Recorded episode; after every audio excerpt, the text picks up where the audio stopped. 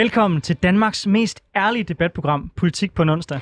Her inviterer vi hver eneste uge spændende gæster til politisk debat uden spænd og fastlåste politiske positioner. Hvis du øh, har tændt for din radio og håber på, at det er nogle neutrale journalistiske værter, så er det altså ikke os, du skal have fat i. Jeg er i hvert fald ikke neutral. Jeg er konservativ, og mit navn det er Anders Storgård. Jeg er tidligere landsformand for konservativ ungdom og konservativt kommunalbestyrelsesmedlem på Frederiksberg. Og jeg hedder Sofie Libert, jeg stiller op til Folketinget for SF, og så er jeg tidligere landsforkvinde for SF Ungdom. Den næste time, der får vi besøg af nogle virkelig spændende gæster til at øh, vende en af ugens vigtigste politiske sager. Men først, så skal vi lige tage temperaturen på, hvad vi har lagt mærke til. Så Anders, hvad har fyldt for dig den seneste uge? Nogle gange, så er det lidt hårdt at være borgerlig og ikke øh, gå sådan enormt meget op i, at vi skal føre en endnu, endnu, endnu mere hård øh, udlændingepolitik, end vi allerede gør. Øh, og jeg vil sige, det har særligt været noget, der i den her uge har fyldt ret meget for mig. Det startede med Martin Henriksen, der øh, fra talerstolen i Dansk Folkeparti stod og talte om den store befolkningsudskiftelse, som altså er den her konspiration, der plejer at ligge ude på det yderste, yderste højre som generation identitær, og som handler om, hvordan at øh, øh hvide øh, etnisk danske mænd og kvinder, de bliver stille og roligt øh, erstattet øh, med øh, muslimer og fremmede, der langsomt øh, overtager vores land. Og det i sig selv, synes jeg, var sådan rimelig hårdt at høre det fra et parti, der normalt bliver betragtet, i hvert fald som det er i dag, som nogen, man politisk skal samarbejde med, også i den borgerlige blok. Øh, så det i sig selv, synes jeg, var rigtig hårdt. Og da øh, senere på ugen øh, de borgerlige partier så gik ud af forhandlingerne om reformudspillet fra regeringens side, der var det med et nyt forslag i hånden, som var, at vi skal sænke beløbsgrænsen, som jeg er kæmpe tilhænger af. Lad os det bare få nogle øh, kvalificerede folk til Danmark, der ønsker at bidrage til vores velfærdssamfund, og som er en kæmpe, kæmpe, kæmpe stor indtægt for os. Men der var et afgørende men. Øh, de må ikke komme fra Mellemøstelanden. Og der må jeg bare sige, jeg har svært ved at se det øh, hverken liberale eller særligt borgerlige i at sige, at udelukkende fordi folk kommer fra et specifikt land, så er det et problem for Danmark. Jeg er da enig i, at vi har store problemer med at integrere folk fra Mellemøsten. Det er jo helt åbenlyst for mig at se. Men det er jo bare ikke de mennesker, der kommer her og har en arbejdsplads, og som rent faktisk øh, tjener over det, som er beløbsgrænsen, som er, man ønsker at sætte ned til 360.000, men i dag er det 440.000 det er ikke de mennesker, vi har udfordringer med.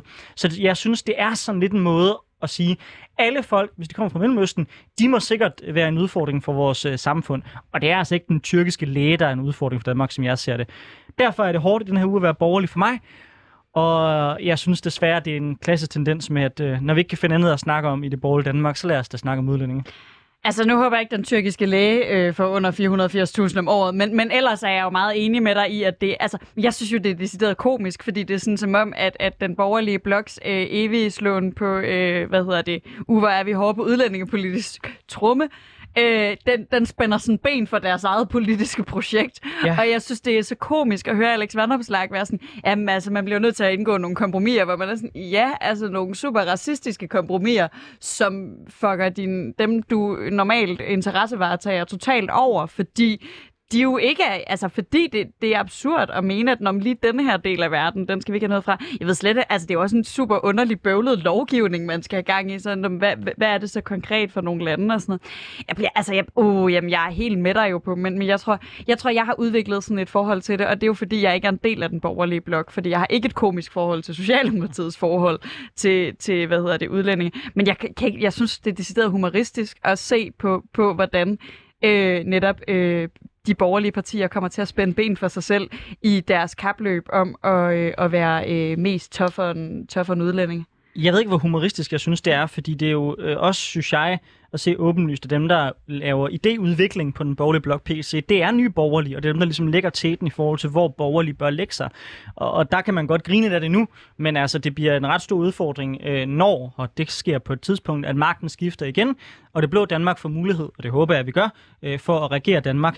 Altså, så er der bare efterhånden lagt en præcedens om, at det er nye borgerlige, ligesom, der ligesom sætter takstokken, øh, og det er jo et problem, synes jeg, også i forhold til vores mulighed for at kunne tiltrække folk over midten.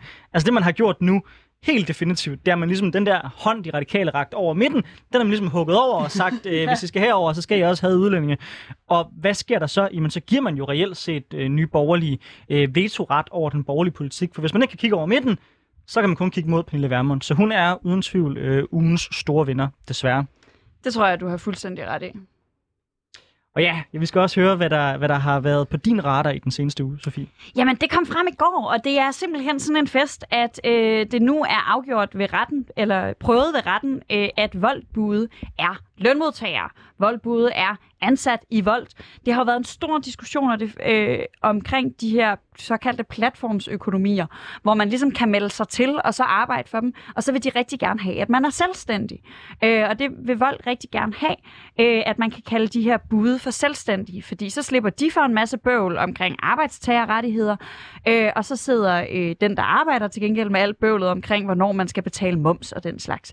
Men der er en øh, sej fyr, der hedder Mats øh, Magnusson, mener jeg, øh, som øh, er journalist og tog sig sådan et voldjob og endte med at gøre det til, øh, hvad hedder det, jamen lidt sådan en... Øh, sådan en insight og øh, sådan undercover ting, og undersøgte det her og kørte en sag på, øh, på det her. Og jeg, og jeg er simpelthen bare så øh, glad for, at øh, voldbudene øh, nu har rettens ord for, at de er ansatte, og derfor selvfølgelig skal have arbejdstagerrettigheder som løn under sygdom og ferie og pension og alt sådan noget, som vi andre nyder godt af. Ja, og altså udover at man selvfølgelig kan have den holdning, som jeg sådan, sådan set også godt kan forstå, at man skal have rettigheder som arbejdstager, så synes jeg også, der er et helt grundlæggende spørgsmål om konkurrence i det her. Altså det er jo lidt det samme som vores diskussion om Uber, som jo er tilhænger af, at man skal have, men som bare skal overholde de samme regler som en taxavirksomhed. Det kan ikke være sådan, at bare fordi, man, øh, bare fordi ting foregår over en app, at så skal man ikke overholde de samme regler og stå til ansvar for de samme regler som en taxavirksomhed. For det, man laver på fuldtid, det er taxavirksomhed. Og tilsvarende, øh, hvis man har nogle folk, der leverer mad, så bare fordi du gør det på en cykel, så gør det der ikke til at være en virksomhed, der, der, der skal underlægge nogle helt andre regler, man kan sige. Det er bare selvstændigt, og tilfældigvis arbejder for os. Nej, det er tydeligvis folk, du giver løn for at lave et ret konkret stykke arbejde. Så for mig, der er der også bare en, en fin borgerlig position i at sige, altså, lige konkurrence. Mm. Og det er mm. ikke lige konkurrence, hvis nogen er underlagt nogle regler, og andre ikke er. Nej, og det interessante ved vold-debatten øh, er jo også, at, at Mats der beskriver det meget som, at du sådan virkelig er styret af den her app, og, og det er sådan, at der er hele tiden sanktioner, hvis ikke du gør det, appen siger. Og bare fordi din arbejdsgiver er en app netop, så betyder det jo ikke, at den ikke er en arbejdsgiver. Altså det er jo bare, et, jeg er glad for, at min arbejdsgiver ikke er, er en app. Jeg er rigtig glad for, at han er et menneske, der sidder herinde ved siden af. Men, men, men det kan jo, ens arbejdsgiver kan sagtens være en app, og det er øh, virkelig øh, noget bullshit at gå og mene, at, at det er en, en radikalt anderledes position.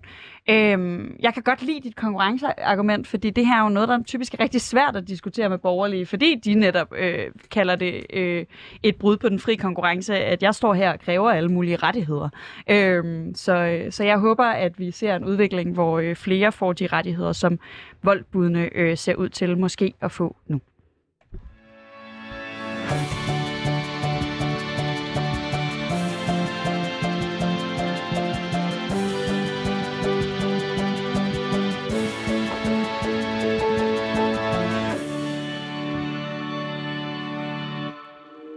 Vi vil gerne høre din holdning. Send en sms til 92 45 99 45.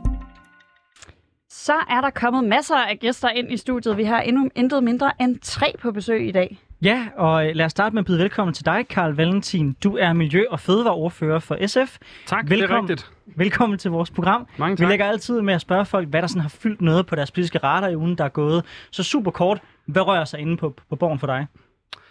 Åh, oh, der er simpelthen 100 ting, især fordi der er så meget corona på Christiansborg, og jeg har skulle afløse alle mulige, alle mulige forskellige forhandlinger, som ikke engang er mine ordførerområder. Men noget, der har fyldt meget for mig, har været, at vi har landet en aftale på kemiområdet, hvor vi sætter ind over for hormonforstyrrende stoffer og øh, sådan øh, ja, forskellige ting i hverdagsforbrugerprodukter, som er skadelige for folk. Og der har vi landet en aftale på 300 millioner, som trækker ret meget i den retning, som jeg har kæmpet for nogle år. Så det, det har fyldt meget i mit eget hoved. Så er der nogle af de store debatter om Danmark kan mere et og corona og sådan noget, der selvfølgelig også har fyldt meget. Men sådan personligt på mit nørdeplan, der har den der kemiaftale fyldt meget. At den har fyldt meget, meget lidt i medierne, er mit ja. indtryk. ja, det er sjovt, fordi for 10 år siden, der var det altså, der var det hot topic, det der med at snakke om, øh, nå, men farlig kemi i sutter og legetøj og alt sådan noget her. Men jeg tror, fordi meget af lovgivningen også ligger i EU, så synes folk, det er lidt kedeligt på en eller anden måde. Øh, men vi har faktisk kunne gøre en hel del for Christiansborg, og også give regeringen et mandat til at sådan rykke på EU-niveau på det. Erling Bonnesen, fødevareordfører for Venstre. Velkommen til vores program. Det er en debut for dig. Uh, tak fordi du vil komme. Uh, hvad fylder noget for dig politisk lige nu? Altså, hvad, hvad er i Venstres uh, fokuslys? Jamen, det er jo rigtig mange ting. Det er jo, ja, ligesom Karl siger, hele den øh, store politiske øh, dagsorden. Stort og, og småt, det er jo, Danmark øh, kan øh, mere, og det deltager vi jo også fra Venstre i øh, på forskellige øh, måder. Og så øh, er der jo også i øjeblikket sidder vi jo også øh, sammen og prøver at forhandle en pesticidaftale på plads. Øh, det har jeg været med til et par gange øh, før, og det har vi jo da egentlig lykkedes med at prøve at få landet øh, bredt. Øh, det håber og tror vi da sådan set også på kan, kan lykkes øh, igen, for at vi også kan sikre, at vi stadigvæk er et øh, godt, stærkt øh, fødevareproducerende land, ikke alene af hensyn til vores egen forsyningssikkerhed, men også af hensyn til de mange arbejdspladser rundt omkring i landdistrikts øh, Danmark, øh, som jo hver dag står op og går på arbejde et eller andet sted i fødevaresektoren for at forsyne os alle sammen med, med fødevarer og sørge for, at der også er nogle forhåbentlig stadigvæk gode eksporttal. Og vi kommer helt sikkert til at snakke meget mere om fødevare i dag, men vi skal også lige byde velkommen til vores tredje og sidste gæst. Det er dig, Esther Kjeldahl. Du er øh, fra den grønne studenterbevægelse. Hvad fylder for dig for tiden? Jamen, det er som altid klima- og biodiversitetskrisen og klimaaktivisme, hvordan vi kan få sat den dagsorden tilbage øh, allerøverst. Vi har lige i sidste uge i vores lille kampagnegruppe, der, øh, der øh, sætter ind i for kampen mod øh, reklamer for alle mulige klimaskadelige produkter, blandt andet kød. Vi har lige haft debatindlæg, skrive hyggeaften hjemme hos øh, mig og min kæreste, hvor vi har drukket rødvin og simpelthen bare produceret debatindlæg og explainer-videoer i det, i det helt store øh, antal, så øh, vi kan få øh, virkelig sat det her reklameproblem på dagsordenen. Så det har fyldt rigtig meget, og jeg glæder mig rigtig meget til, at, øh, at hele Danmark kommer til at tale om det her meget åbenlyse problem øh, meget snart. Jeg tror, det kommer til at være den største debat, der kommer til at fylde rent klimamæssigt her i øh, foråret. Fordi jeg, jeg tænker over med den åbning, som statsministeren er kommet med i forhold til CO2-afgifter, tænker jeg også, det er noget, som I kommer til at være fokuseret meget på. Men hvad tror du, der kommer til at fylde mest klimamæssigt i det år, vi går ind i her? Altså klimakrisen er jo som altid et fuldstændig vanvittigt stort problem, meget komplekst problem med sindssygt mange dagsordner. Så CO2-afgifter er selvfølgelig et, et vigtigt spørgsmål, men det har vi jo beskæftiget os med de sidste tre år. Øh, og det der nemlig er med det her reklamespørgsmål, hvad er det for nogle budskaber, der fylder vores offentlige rum, vores øh, sociale medieplatform, øh, det er så oplagt en lavt hængende frugt at tage fat i, når vi netop snakker om adfærdsændring og omstilling. Så det er ligesom det, det helt oplagte nye samtaleemne. Jeg siger ikke, det er det største, men det er sindssygt oplagt. Og netop derfor tænker jeg, at vi skal i gang med dagens debat.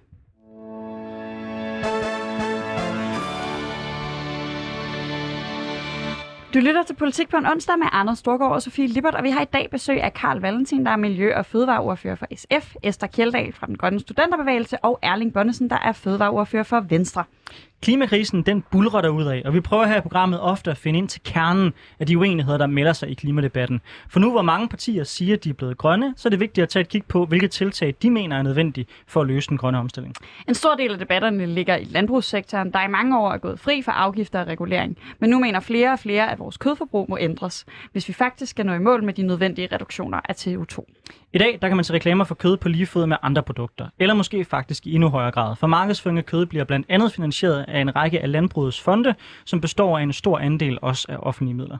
Ifølge mediet, mediet Altinget, der tildelte Danmark sidste år tre gange så mange penge til markedsføring af animalske fødevarer som mælk og kød, som der blev øh, tildelt til vegeta- vegetabilske fødevarer. Den offentlige støtte til kampagnerne tildeles gennem de forskellige afgiftsfonde i landbruget og består hovedsageligt af indtægterne fra de afgifter, der er pålagt de danske landmænd. I dag i Politik på onsdag, der stiller vi spørgsmålet. Giver det mening at bruge offentlige midler på at fremme forbruget af kød? Og skal man overhovedet have lov til at reklamere for kød midt i en klimakrise? Vi starter med den offentlige finansiering. Karl Valentin, du skrev i sidste uge på din Facebook, i dag foreslår vi i SF, at Danmark stopper al offentlig støtte til markedsføring af kød og andre animalske produkter. Hvorfor er det, I gør det? Det er jo fordi, at øh, hele den animalske industri bidrager massivt til den klimakatastrofe, som vi står midt i. Og øh, det er vi flere, der har prøvet at, at råbe op om i noget tid. Nu er vi ligesom brudt lidt igennem, ikke helt, men øh, det begynder ligesom at være mainstream, at vi skal den vej. Det betyder blandt andet, at vi har fået et fødevareminister, øh, som turnerer rundt med nogle kostråd, som jo siger fuldstændig klart, at vi skal sænke kødforbruget ganske markant. Men samtidig med det, Altså samtidig med, at man turnerer rundt og bruger penge på at få folk til at spise mindre kød, så pumper man offentlige midler i markedsføring af selv samme kød, som man gerne vil have folk til at spise mindre af. Og det giver i min optik, optik absolut ingen mening. Altså hvis jeg tager bussen og kører forbi en masse forskellige busstopsteder med billboard-reklamer, så kan jeg først ramme en statsfinansieret øh, kampagne, som siger spis mindre kød, og så ved næste busstopsted, så rammer jeg en ny fra Landbrug og Fødevare, øh, som siger øh, glad for gris, spis noget mere grisekød. Det er, jo, det er jo helt håbløst. Så på en eller anden måde, så er det sådan lidt baseline, synes jeg, at vi ikke bruger offentlige midler på at finansiere de her kampagner. kampagner. Erling Bønnesen, du var ordfører for Venstre. Har I tænkt jer at støtte SF's forslag om at øh, holde op med at bruge offentlige midler til at øh, støtte kødreklamer? I Venstre der er vi også helt med på den øh, grønne omstilling og har jo gået ind i forskellige aftaler øh, på det, så det er jo ikke kun øh, ord, det er jo også i, øh, i handling. Så vi ser jo også den der, skal vi sige, øh, omstilling i øh, virkelighedens øh, verden, som øh, er startet og er på, på vej. Øh, Danmark, øh, der kan vi sige, danskerne er vel nogle af dem, der øh, kan vi sige, har taget det mest til sig. Og der vil vi da se, om man skal sige, en eskalering af det hen over øh, nogle år. Så vi ser da også øh, for os i Venstre, at øh, kan vi sige, det gennemsnitlige kødforbrug i Danmark blandt danskerne, det tror vi da også vil falde i det kommende år. Og så også det, kan vi sige, stigende plantebaserede fødevareprodukter, at de vil simpelthen stige. Så skal vi så også lige tage hensyn til, at vi er et stærkt fødevareeksporterende land, og når vi kigger globalt øh, på det, jamen så ser vi jo, nu kunne det jo være en meget lang snak, man forsøgte at gøre det helt kort, så er der jo, kan vi sige, heldigvis et stigende købedygtigt publikum, og de vil jo også øh, stadigvæk, øh, øh, kan vi sige, mange af dem gerne have nogle købeprodukter nogle år, eftersom vi jo så de lande, eller det land, at der producerer nogle af de, kan vi sige, animalske fødevarer med det laveste miljø- og klimaaftryk, så vil det være tudet til os, at, kan vi så sige, at fjerne, om man siger, den animalske kødproduktion fra landkortet i Danmark lige nu. Men det er en udvikling og en bevægelse, der kommer. Og så til markedsføringen til sidst, jamen der mange af midlerne kommer jo fra erhvervet selv, så er det jo rigtigt, at der er en andel af dem, der kommer fra de øh, offentlige midler, og der har jeg da stor tillid til de bestyrelser, som jo sidder og forvalter de her ting, og der ser vi jo da også nu, at de også begynder at dreje på skruerne, og selv siger, selvfølgelig vil de også begynde at markedsføre noget mere på de plantebaserede fødevareprodukter, og det kommer det selvfølgelig i takt med, at de også kan se, at der kommer et marked på det. Så det har jeg tillid til, at øh, bestyrelserne, de øh, nok skal tage hånd om, og de er sådan set begyndt. Men Erling Bonnesen, øh, du er jo liberal, du kommer fra Venstre. Øh, jeg må indrømme, som borgerlig, så har jeg lidt svært ved at se overhovedet logikken i, at der skal gå offentlige støttekroner til at, øh, altså til at markedsføre fødevareprodukter. Er det ikke noget, som man burde lade op til det frie marked, og så, så kan man øh, ligesom fokusere på selv at betale de øh, eventuelle reklamer, som, som man gerne vil? Hvorfor er det, at staten skal ind og så smide skattekroner i aktivt og promovere kød? Jamen, hvis jeg et øjeblik tager den fuldstændig liberale kasket øh, på, jamen så øh, er det sådan set ingen grund til det, fordi så er det forbrugerne, der bestemmer, hvad der skal på tallerkenen og, og så videre. Men nu, det ligger jo også sådan, at vi må tage afsæt i virkelighedens verden, og der ligger jo nogle, skal vi så kalde det, gamle aftaler, kan man sige, om at øh, nu begynder man så at opkræve de her produktionsafgifter, og så bliver der lavet nogle aftaler om, at staten så også fyldt nogle penge i, så der ligger de penge på bordet øh, nu, øh, og det er så dem, vi forholder os øh, til. Øh, så det er jo øh, et, et, skal vi sige, sådan et spørgsmål også, kan vi sige, have den pragmatiske tilgang til det, at de øh, beslutninger, der skal tages på de penge, der ligger på bordet, dem skal vi selvfølgelig bruge bedst øh, muligt. Så på den del, at der er den statsfinansierede del øh, af det, jamen så længe de penge er der, der skal vi selvfølgelig bruge dem bedst øh, muligt. Og der ser vi også en drejning øh, på det hen over tid. Men det er jo de bestyrelser, der sidder der, at der sådan set styrer det her. Det har jeg tillid altså, til. Jeg synes, du skubber, jeg synes, du skubber lidt det politiske ansvar fra dig her. Altså, I kunne jo fra Venstres side stå på en position, der hed, de her midler skulle bare fjernes. Altså, det er rigtigt, at det er sådan i dag, man indkræver de her penge, men I kunne jo sagtens stå på en position, der hed, vi fjerner bare elstøtten. Hvor, hvorfor? Hvorfor gør I ikke det? Jamen, øh, det kunne vi jo godt. Så øh, kan vi sige, det tænker jeg da også, at der skal komme nogle møder på et eller andet tidspunkt om, hvordan skal de her penge øh, håndteres i fremtiden. Og det er da fint at få det op og evaluere det, så skal vi nok forholde os til det, når det selvfølgelig ligger på bordet. Men så lang tid, at staten har vil, kan vi så sige, lægge nogle penge på bordet til markedsføring, jamen så er det klart, så skal det selvfølgelig bruges bedst muligt. Kommer man i en situation, hvor staten ikke længere vil det, jamen så, så, så må vi selvfølgelig forholde os til det. Så det er sådan set et spørgsmål om at forholde sig til om man sige, den opgave, som ligger på bordet øh, foran os. Men ud fra en rent liberal holdning, jamen så er det da klart, så er det jo det erhvervet selv, der skal finansiere så meget som muligt af deres, øh, deres egen markedsføring. Øh, det bidrager de så også øh, stærkt til i forvejen, kan man sige. Men det er så et spørgsmål, vi må prøve at klare af ved forhandlingsbordet.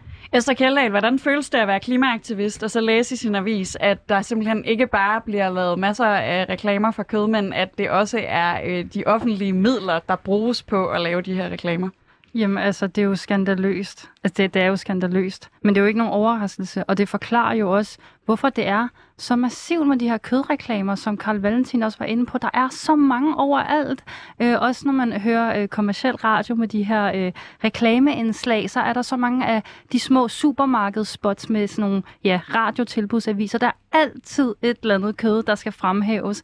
Øh, og det, ja, det, det interesserer mig, eller jeg var virkelig interesseret i, at, øh, Erling, øh, Bundesen, min, øh, min sidemarker her, at, at du snakker om det her med at leve i virkelighedens verden, og man må tage en pragmatisk tilgang til det hele. Fordi at i virkelighedens verden har de her bestyrelser, der har stået for at, at vælge, hvad de offentlige midler skulle bruges til. De har jo ikke øh, taget klimakrisen alvorligt, siden de bliver ved med at poste penge, tre gange så mange penge i øh, reklamer for animalsk produktion.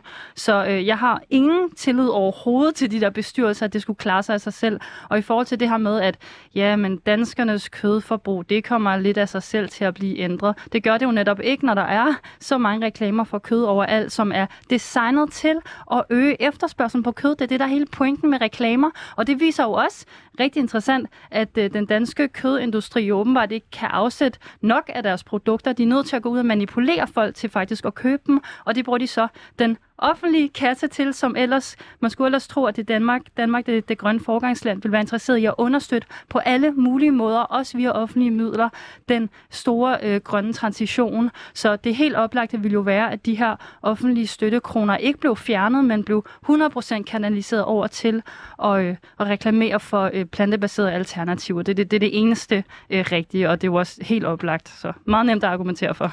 Erling Bonnesen, det skal du nok få mulighed for at svare på, men jeg vil først lige kort have Karl Valentin på banen i det her spørgsmål også. Mm.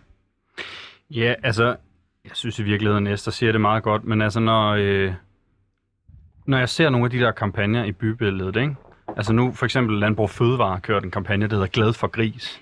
Jeg, jeg kan næsten ikke blive mere forarvet, når jeg ser det, fordi en ting er, at det provokerer mig, at man laver en kampagne, der specifikt er målrettet unge mennesker i øvrigt, som har meget øh, tendens til at vælge svinekød fra. Ikke? En ting er, at man gør det, men at man så har, samtidig til den kampagne har modtaget 23 millioner kroner i offentligt tilskud til kampagnen, 18,4 millioner af dem, de kommer fra Europakommissionen, og resten, de resterende 20 procent, de kommer så fra øh, Svineafgiftsfonden, som er øh, administreret af Fødevareministeriet. Ikke? Så kan, jeg bliver simpelthen så rasende over det, fordi vi modarbejder os selv. Vi modarbejder den grønne bevægelse, der er på vej i ungdommen, som ønsker forandring. Altså, hvis der er noget, vi politikere er sat i verden for, så er det da at sikre nogle rammer, som gør, at det grønne valg skal være det lette valg. At de ønsker, som befolkningen faktisk har om at leve på en bæredygtig måde, at de er nemme at leve op til. I stedet så gør man det svært for folk. Man giver tilskud til kampagner, som greenwasher kød, som kalder øh, svinekød for øh, klimakontrolleret og alt muligt, til trods for, at det er enormt øh, destruktivt for vores klima og biodiversitet. Øh, men jeg må også bare lige, bare kort indskyde, at jeg synes faktisk, altså, der er mere positive toner for Erling, end jeg havde forventet. Men det er jo nok fordi, det faktisk er liberalt at øh, sige, markedet skal ikke have statsstøtte til at lave deres kødkampagner. Og super kort, hvorfor er det ikke jeres position så, at man skal fjerne al den offentlige støtte, både til, både til animalske og ikke-animalske produkter? Hvorfor skal staten overhovedet blande sig på den måde i, hvad der markedsføres for produktmæssigt? Det er fordi, vi har brug for en drastisk ændring i befolkningens madvaner. Der er lige lavet en øh, stor rapport fra Klimarådet, som siger klart, at danskernes kost skal ændres markant, hvis vi på nogen som helst måde skal leve op til Paris-aftalens mål. Og øh, derfor så skal vi gøre, hvad vi kan for at oplyse om, hvordan man kan øh, spise på en, en grønnere måde, og det giver god mening at promovere kostråd osv. I øvrigt er der også rigtig god økonomi i det, altså det er ikke bare en udgift, fordi øh, staten kan spare milliarder af kroner, hvis vi spiser grønnere, fordi det også har nogle store sundhedsfordele, det har Københavns Universitet i øvrigt også regnet på. Alright, Erling. Nu skal du have mulighed for at svare på alle de ting, du er blevet beskudt med fra begge sider. Når vi kigger på virkelighedens verden lige her nu, jeg tror det var i sidste uge, jamen så melder Danish Crown jo også ud som en stor dansk øh, fødevarekoncern, at øh, nu starter de også op øh, på at skal have produceret nogle af de her plantebaserede fødevarer i større stil øh, og de vil udvikle det, og de vil også have en del af markedet. Jeg synes, de øh, med min så igen lige liberale kasket på, de gør det rigtige øh, set her fra Danmark. De siger, vi har jo i forvejen i Danish Crown og i de store fødevarevirksomheder med en kæmpe stor erfaring, øh, som de kan øse af, og det vil de så transformere over i, udvikle i. Det siger de jo selv. Øh, øh, og de jo ikke bare siger det, de også går i gang med det. Og det er jo det, jeg også bruger som trædesten til at sige, at det, jeg står og siger nu, det er jo ikke bare nogle ord, det er jo faktisk også handling fra dem, som øh, vi kan sige, vi kan jo se foran os, og som vi jo med til at lægge rammevilkår for. Og det er derfor, at jeg så også udtaler mig, som jeg gør nu, at jeg ser også en drejning over det, men de skal jo så også have chancen, så er det jo fair nok, at øh, min gode sidekammerat her kigger lidt i bagspejlet nogle gamle statistikker. Fair nok med det. Det, det er jo korrekt, at øh, det er jo nu, at vi så, kan vi sige, med vores aftaler har lavet en landbrugsfødevareaftale. Øh, det er jeg da glad for, at det lykkedes at få lavet en god, øh, bred øh, aftale, hvor stort set alle partier er, er med. Så der vil komme en øh, stigning i de plantebaserede fødevarer fremover, og det er jo glædeligt. Jeg har det også bare sådan, det er forbrugerne, der skal bestemme, hvad det er, der skal på øh, tallerkenen, og der skal være alle muligheder. Men så også, øh, om man så må sige, flæskesteg og frikadellerne. god trædesten til den næste del af debatten, vi skal ind i.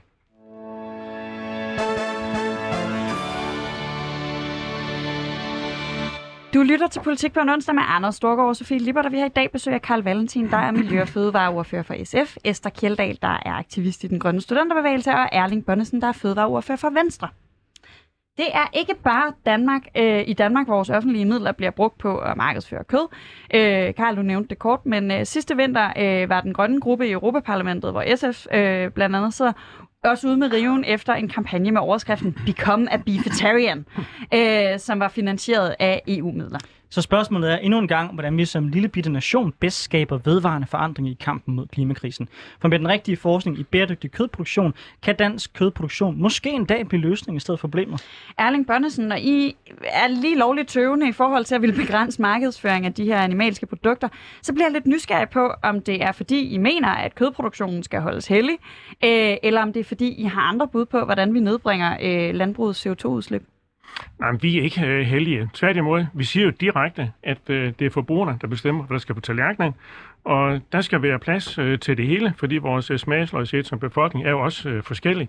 Og så skal vi så også tage det øh, afsæt, at øh, vi skal kigge på vores egne befolkning hjemmemarkedet, men vi skal jo også se på øh, den store eksport, øh, vi har. Og der vil jo så i hvert fald nogle år endnu være en øh, ikke ubetydelig øh, eksport, også af fødevarer på kød og animalske, men også på det internationale marked, der vil der også komme en, en stigning på de plantebaserede. Og derfor er det jo godt, at vi sådan set tager afsæt på det nu, og det gør vi jo netop også i fællesskab med den landbrugs øh, fødevareaftale, vi lige har lavet nu, blandt andet øh, de plantebaserede fødevarer. Vi skal have lavet en fond og så videre. Der kommer også nogle penge fra de selv samme kanaler, som vi sådan set uh, taler om nu. Så øh, det her debatprogram, det kan godt være, at det var mere underholdende, vi stod og slås på det, men vi står sådan set ikke og slås. Jeg står her sådan set i dag også for at prøve at promovere den danske, kan vi kalde det, fødevare rammeaftale, som vi har lavet.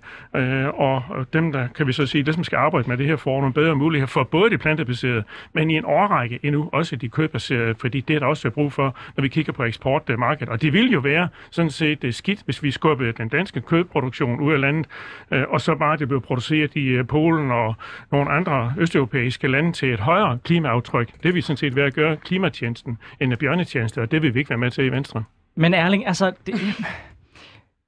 Der er flere ting. For det, for, det, for det første, du har selvfølgelig fuldstændig ret i, at der er perspektiver i forhold til at kunne omstille danske landbrug. Men er faktum ikke, at hver evig eneste gang, at den, dansk landbrug så skal til at levere nogle øh, reduktioner i deres drivhusgasser, eller skal til at levere i forhold til gødning, til at levere i forhold til at omstille sig, at så bliver det lidt sådan en, det kan vi ikke gøre for hurtigt, vi må hellere skubbe det ud. Altså man ser jo også, at landbruget har kæmpet imod, for eksempel at CO2-afgifterne også skal inkludere landbruget. Det kunne netop være sådan nogle ting, der kunne være med til at skubbe på. Så hvis det eksporteventyr, du skitserer, skal blive til virkelighed, mm. er det så ikke netop dig, som en, der repræsenterer et parti, der typisk har tæt forbindelse til landbruget, så netop skal hive fat i landbruget og sige, så venner, det er nu, vi sætter fuld speed på den grønne omstilling. Og ja, det kommer til at koste nogen i landbruget, dem der er de sorte landmænd, men tilsvarende giver det muligheder for de grønne landmænd. Det perspektiv, du lige skal have med, det er jo også, at der er jo også sket en masse ting, og det kunne man jo bruge resten af programmet til at følge, det skal jeg nok lade være med. Men øh, vi kan jo sige, at i dag er det jo et øh, faktum, at øh, i Danmark, der er man jo blandt de lande, der producerer de nuværende øh, fødevareprodukter med nogle af de laveste miljø- klimaaftryk. Og det er jo fordi, man har taget en masse af de nye teknologier til sig, som rent faktisk er til rådighed. Og landmændene, det, er jo, det siger de også til mig, når jeg kommer rundt og taler med dem, der gerne vil være landmænd. For det er der mange, der gerne vil. De siger, hvis de får muligheden. De vil også gerne bruge de nye øh, teknologier, men de vil også gerne over på nogle af de plantebaserede og producere det, som er fødevare, og som øh, forbrugerne gerne vil have i fremtiden. Så der sker rent faktisk noget. Så det billede, du tegner, det er en lille smule øh, skævt, vil jeg så våge at påstå. Men øh, man skal videre af, af den vej, og derfor siger vi jo så også i de aftaler, vi laver, der skal jo laves øh, forskning og teknologiudvikling, og i takt med, at øh, de øh, produkter og teknologier bliver udviklet, jamen, så bliver de også taget i anvendelse. Det viser erfaringen jo.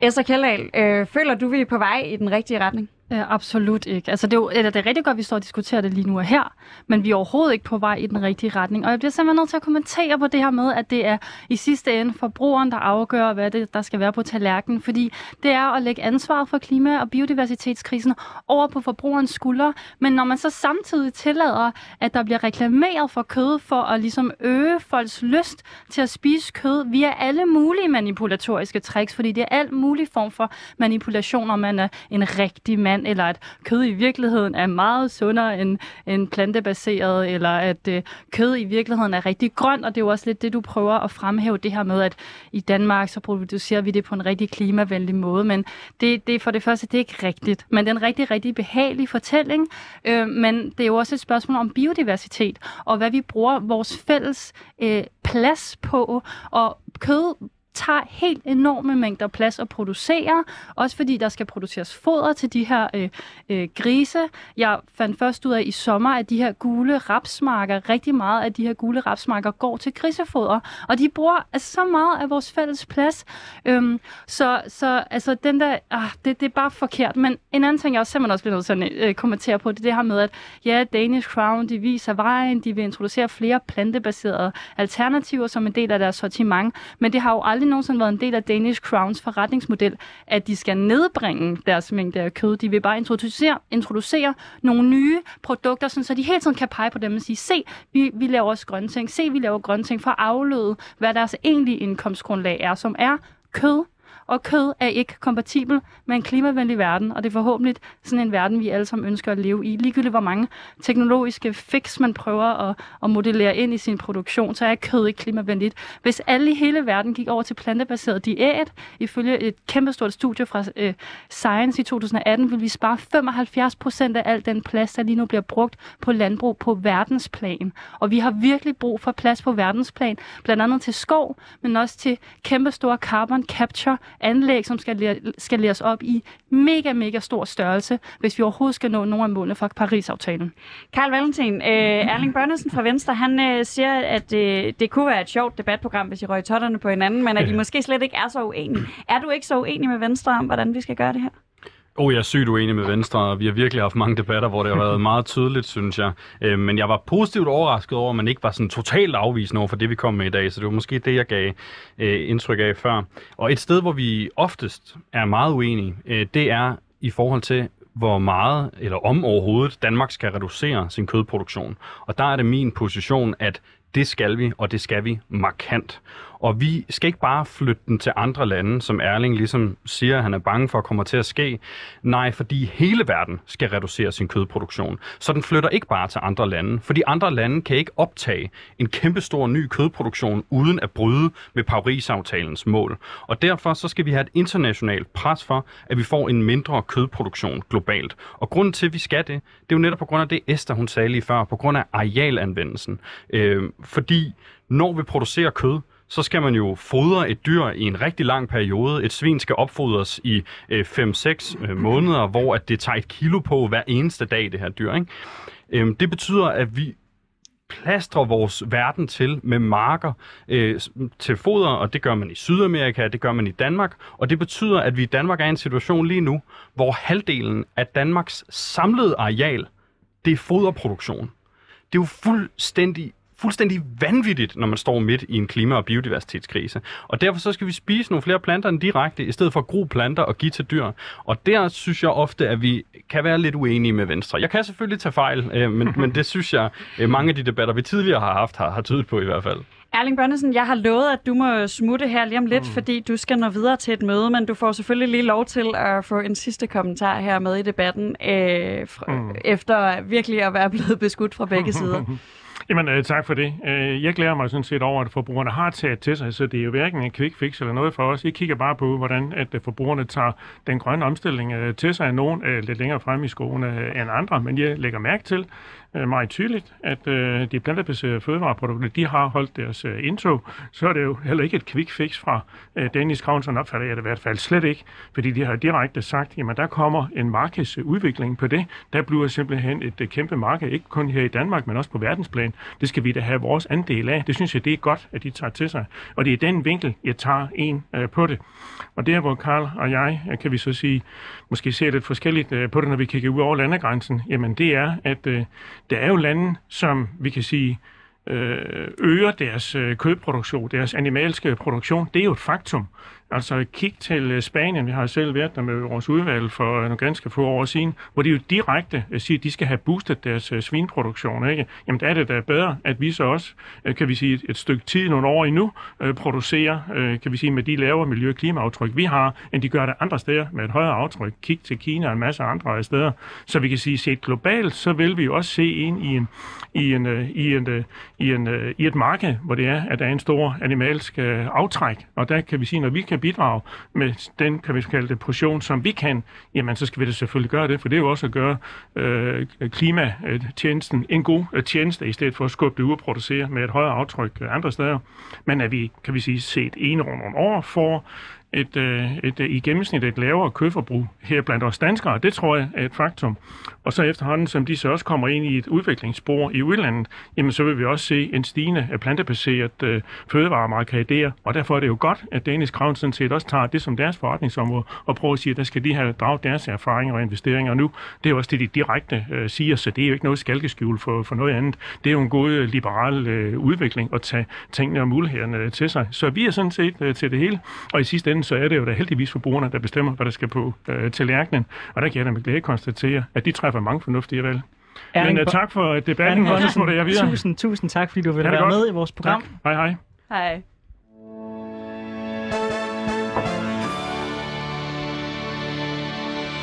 Du lytter til Politik på en onsdag med Anders Storgårds Filibert, hvor vi har besøg af Karl Valentin, Miljø- og Fødevareordfører for SF, og Esther Kjedal fra den Grønne Stønderbevægelse. I dag der kigger vi på et af klimakrisens mange dilemmaer, kødproduktionen. For mens SF vil stoppe den offentlige støtte til markedsføring af animalske produkter, vil dele af klimabevægelsen gå en mere radikal vej. Ja, fordi på den grønne studenterbevægelses Instagram-side, der finder man et opslag med overskriften, vi finder os ikke i kødpropaganda det er et godt ord, kødpropaganda. Her foreslår bevægelsen med afsæt i de samme vurderinger fra Klimarådet, øh, altså vurderingerne om, hvor mange øh, offentlige midler, der bruges på øh, hvad hedder det, markedsføring af kød i Danmark, helt at forbyde markedsføring af kød. Esther Kjørdal, du er aktiv i den grønne støndebevægelse. Et forbud mod reklamer for kød kan jo øh, for mange godt lyde, som om det lige præcis er kød, I har set jer sure på. Stort set alt forbrug er jo en eller anden grad med til at påvirke klimaet, så hvorfor er det lige kød, der ikke reklameres for, og for eksempel ikke eksempelvis risproduktionen, som jo også står for en rigtig stor del af vores øh, udslip på global plan? Jamen, øh, fantastisk spørgsmål, for nu kan jeg øh, lige udpensle, hvad vores kampagne går ud på, fordi i første omgang øh, efterspørger vi et forbud mod reklamer for kød, og for fossile biler og for øh, fly transport, altså så længe det ikke er grønt.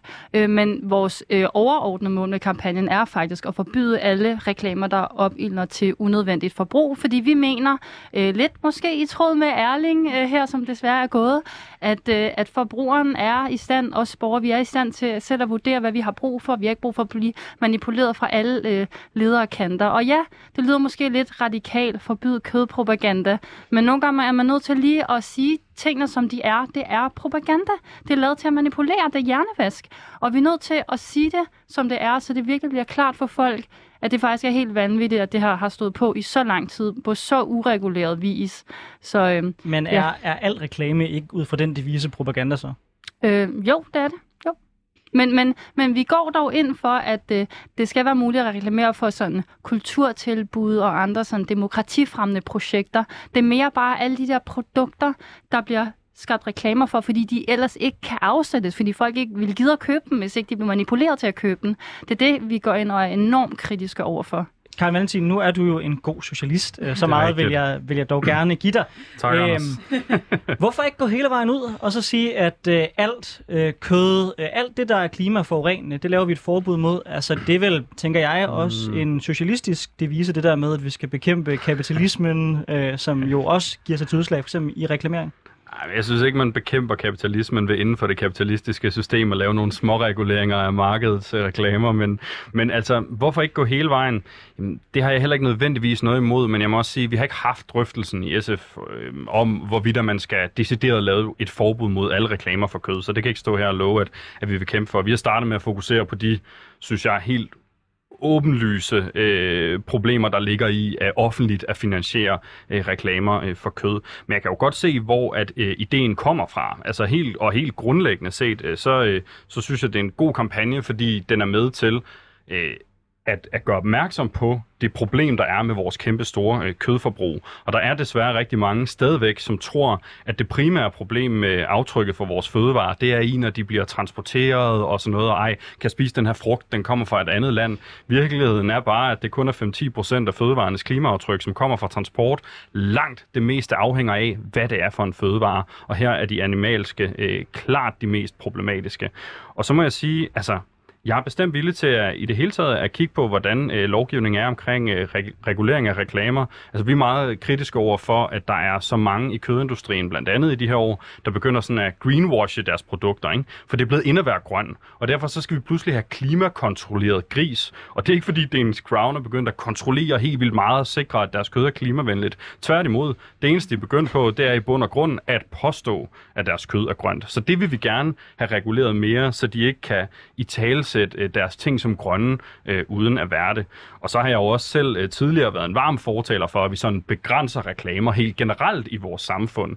Øh, og synes jo også, at... Øh, at man, hvis man nu for eksempel er kommunalpolitiker, hvor man har rigtig meget magt i forhold til reklamer, skulle overveje, om man ikke skulle sige, vi skal ikke plastre vores busser, og vores busstopsteder og kommunal eget øh, billboards og alt muligt til med alle mulige reklamer. Altså lad os da, få, lad os da bruge det offentlige rum på noget mere meningsfuldt end noget kunst eller øh, whatever, øh, i stedet for øh, kødpropaganda eller hvad det nu kan være. Ikke? Så altså, jeg, jeg er åben over for det, men, men vi har ikke sådan drøftet det konkrete forslag i SF, så jeg kan ikke helt sige, hvor, hvor vi står på et potentielt generelt forbud.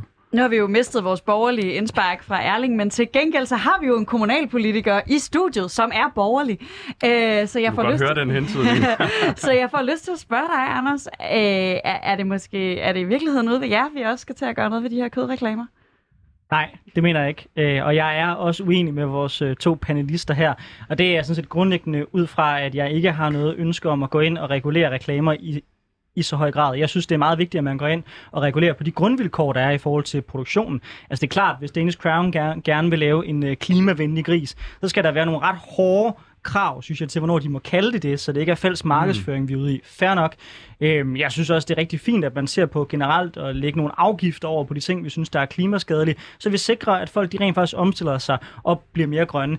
Men i sidste ende, så nej, så vil jeg ikke til at prøve at blande mig i aktivt, hvad forbrugerne skal vælge igennem, og så begynde at bestemme, hvem der må reklamere, og hvem der ikke må reklamere. Jeg synes allerede i dag, vi blander os alt for meget i, hvad der må reklameres for. Altså, øh, for min skyld må man gerne reklamere for kultshaker igen. Men du, hvordan har du det med den offentlige støtte? Bare sådan, så, Ah, så vi, okay, altså, altså, jeg har svært ved at se, at det er sådan en kernestatslig opgave øh, at sponsorere nogen former øh, for reklamer for fødevarer. Altså, det må folk simpelthen selv lægge råd med. Og hvis man som virksomhed gerne vil sponsorere sine produkter og få dem længere ud, så skal man selvfølgelig trække, øh, trække pengene op af egen lomme, og ikke bare søge alle mulige fonde, hvor vi godt ved, at hvem er der er bedst til at søge fonde, altid de store virksomheder, hvor de små og mellemstore virksomheder, de har enormt svært ved at, ved, ved at trænge igennem. Så jeg er imod hele det der fondesystem også. Det er et håbløst projekt. Jeg skal jo bare sige forhold til det her med at regulere reklamer, at man kan have lidt sådan, hvorfor skal vi gå ind som politikere og regulere det, men for eksempel at tobaksreklamer, det er jo blevet forbudt, og der er jo også rigtig meget tale om at øh, begrænse bettingreklamer, fordi det desværre øh, ja, fører til ludomani, øh, og øh, ja, junk food og rigtig mange reklamer for sådan noget sukkerstags og alkohol i mange lande er også blevet reguleret, så det er... Men og det i- synes jeg jo er et argument for det, jeg siger, netop, netop, netop hvor i alverden stopper det. Altså, det, er fi- set, jeg synes, det er fint med tobak, men, men alle de ting, som du, som du nævner, er også skadelige på en eller anden måde. Og der er så mange ting, der er skadelige i vores samfund. Hvis præmissen er, du må ikke reklamere for noget produkt, der er skadeligt, så skal man så spørgsmålstegn sige, hvorfor det produkt overhovedet skal være lovligt. Hvis vi mener, det er så galt, man ikke må øh, reklamere for det, så, så synes jeg, at man skal gå full on, og så sige, så forbyde det. Og nej, Jamen for vores Jeg- skyld jeg er skal, det da at endelig bare sukker. forbydes, og vi mener jo, altså, vi mener jo ikke, Skal- at, at ikke forbydes så? reklameregulation, altså det at regulere reklamer, at det skal være den eneste vej til at begrænse kødforbrug. Vi mener jo også, at der skal meget, meget skrappere regler for, hvordan det skal produceres, og alle, altså det, det er hele linjen, det Ja. skal indsættes. skal alt Så skal slik forbydes. Øhm, det, det, er, jeg- det er jeg faktisk fuldstændig ligeglad med, fordi det er det paternalistisk, noget, og jeg er faktisk enig i den borgerlige, liberale tilgang, at vi ikke som samfund nødvendigvis skal være så paternalistiske og, og gå ind og sige, at det er for dårligt for folks helbred. Men det, der er med kød, i lige præcis kød og animalske produkter, at det ikke kun handler om den enkelte borgers sundhed, det handler om hele planetens sundhed. Det handler om samfundets overlevelse. Det er et eksistentielt problem, så det, det overstiger så meget de der små øh, paternalistiske overvejelser, som jo øh, har vist sig at faktisk at godt kunne blive reguleret. Så faktisk er det meget vigtigere, at vi får øh, forbudt øh, reklamer for kød og animalske produkter. Karl Valentin. Vi skal, skal imødekomme dig på noget, Anders. Ikke? Så tror jeg faktisk, jeg er enig med dig i, at det mest effektive, vi overhovedet kan gøre lige nu, det er at sørge for at få lagt afgifter på den klimaforurening, der er for forskellige virksomheders øh, klimabelastning, altså på de produkter, de laver. Og det tror jeg egentlig er det mest effektive lovgivning, vi overhovedet kan, kan lave. Så uagtet hvad vi mener om de her ting, så mener jeg, at for alle os, der går op i klimakrisen og virkelig vil, vil gøre en forskel, så er det væsentligste, væsentligste, vi kan gøre at den kommende tid, det er at argumentere for en høj, ensartet CO2-afgift i hele samfundet, som kommer til at rykke markedet og give virksomhederne incitamenter til at omstille sig. Men der var en enkelt ting i forhold til mit spørgsmål for- fra før, som jeg ikke synes, du forholdt dig helt til. Og det var jo, at når jeg siger, at kommunalpolitikere skulle ændre deres tilgang, ikke? så er det jo ikke fordi, jeg mener, at kommunalpolitikere skal begynde at lave alle mulige forbud og alle mulige ting. Men kommunalpolitikerne bestemmer jo for eksempel over, om der plastres reklamer til på alle busserne. De får indtægterne fra det der. De kan bestemme, om der skal være billboards over det hele med reklamer. Altså, det handler jo ikke om at forbyde noget, men som øh, kommune beslutte, hvad man egentlig har lyst til at øh, ligesom lægge flade til, så at sige. Ikke? Og for mig at se, så kan det både være at sige, Nå, men vi synes ikke, øh, at der skal reklameres for, for kød på Frederiksberg. Det kunne også godt være at sige, øh, jamen, vi skal bare ikke have reklamer for vores busser.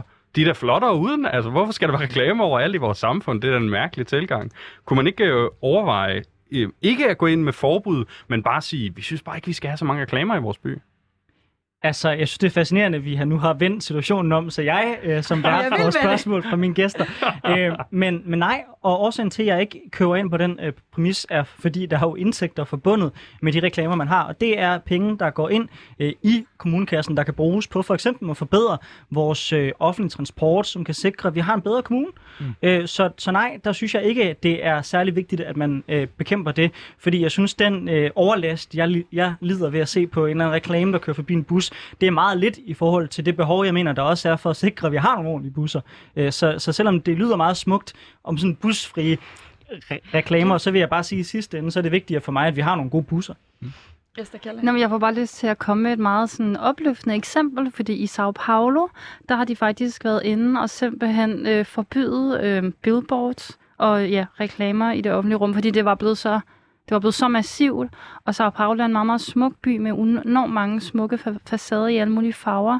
Så borgmesteren, og det var endda en, øh, så vidt jeg husker, en, en, en borgerlig, liberal borgmester gjorde det simpelthen af æstetiske hensyn. Og København, nu øh, befinder vi os i København, jeg ved godt, vi har lytter fra hele landet, men København er faktisk også en rigtig, rigtig smuk by, så der er også nogle øh, ja, sådan romantiske, æstetiske grunde til at forbyde øh, reklamer i det offentlige rum. Og så også bare sådan helt af demokratiske årsager. Hvem er det, der har adgang til? Hvem ejer det offentlige rum? Det offentlige rum bør være et sted, hvor vi alle sammen er lige, og øh, jeg mødes med ligeværd og kan øh, ja, udfolde os frit. Men når, der, når det bliver sådan, at de, som du også nævnte, de store øh, megavirksomheder, så bliver dem, der ligesom har ejerskab over vores offentlige rum og hvordan det ser ud, så er det pludselig ikke særlig demokratisk, øh, øh, sådan neutralt det offentlige rum.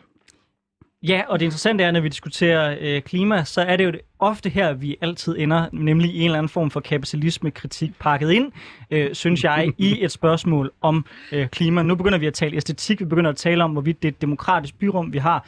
Øh, det synes jeg er nogle spørgsmål, man ideologisk set selvfølgelig kan stille sig, hvor man gerne vil, fair nok, øh, men det har bare ikke særlig meget med klimaspørgsmålet at gøre.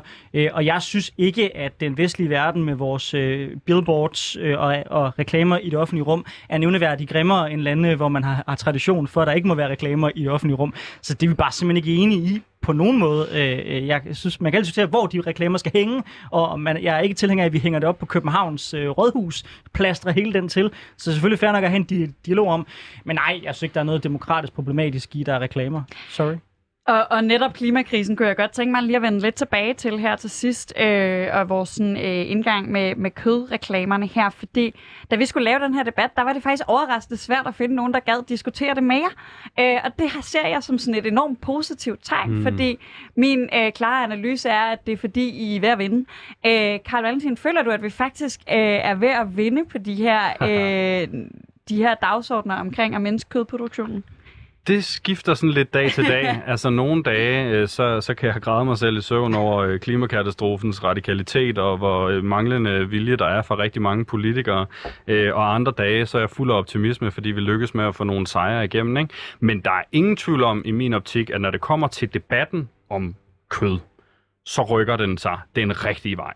Altså de synspunkter, der er blevet givet udtryk for i studiet her i dag, ville have været blevet set som meget radikale bare før siden sidste folketingsvalg. Og jeg kan love jer for, at hvis Erling Bonnesen, som var i studiet før, eh, han havde været med i en debat med mig for bare to år siden, så havde han ikke taget så pragmatisk en linje, som han havde i dag. Så vi er ved at flytte noget i debatten, men for samfundet i forhold til, hvor hurtigt at klimakrisen udvikler sig, der går det for langsomt. Ikke? Og derfor så er det, er det ekstremt vigtigt, at vi bliver ved med at presse på. Men jeg tror, flere begynder at se øh, problemerne i vores store kødforbrug, og der er jo også flere og flere danskere, som ønsker at skære ned, og det ser jeg som tegn på en positiv udvikling. Og Karl og Esther, jeg, jeg tror bare, jeg vil ønske, at vi nogle gange kunne holde den her debat lidt mere på sporet, for jeg synes, nogle gange så bliver det lidt nogle venstreorienterede standpunkter, der bliver mm. pakket ind netop i øh, klimaspørgsmålet. Altså, det handler selvfølgelig om at vride armene rundt på de der stedige bønder i landbruget og sikre, mm. at de bliver omstillet.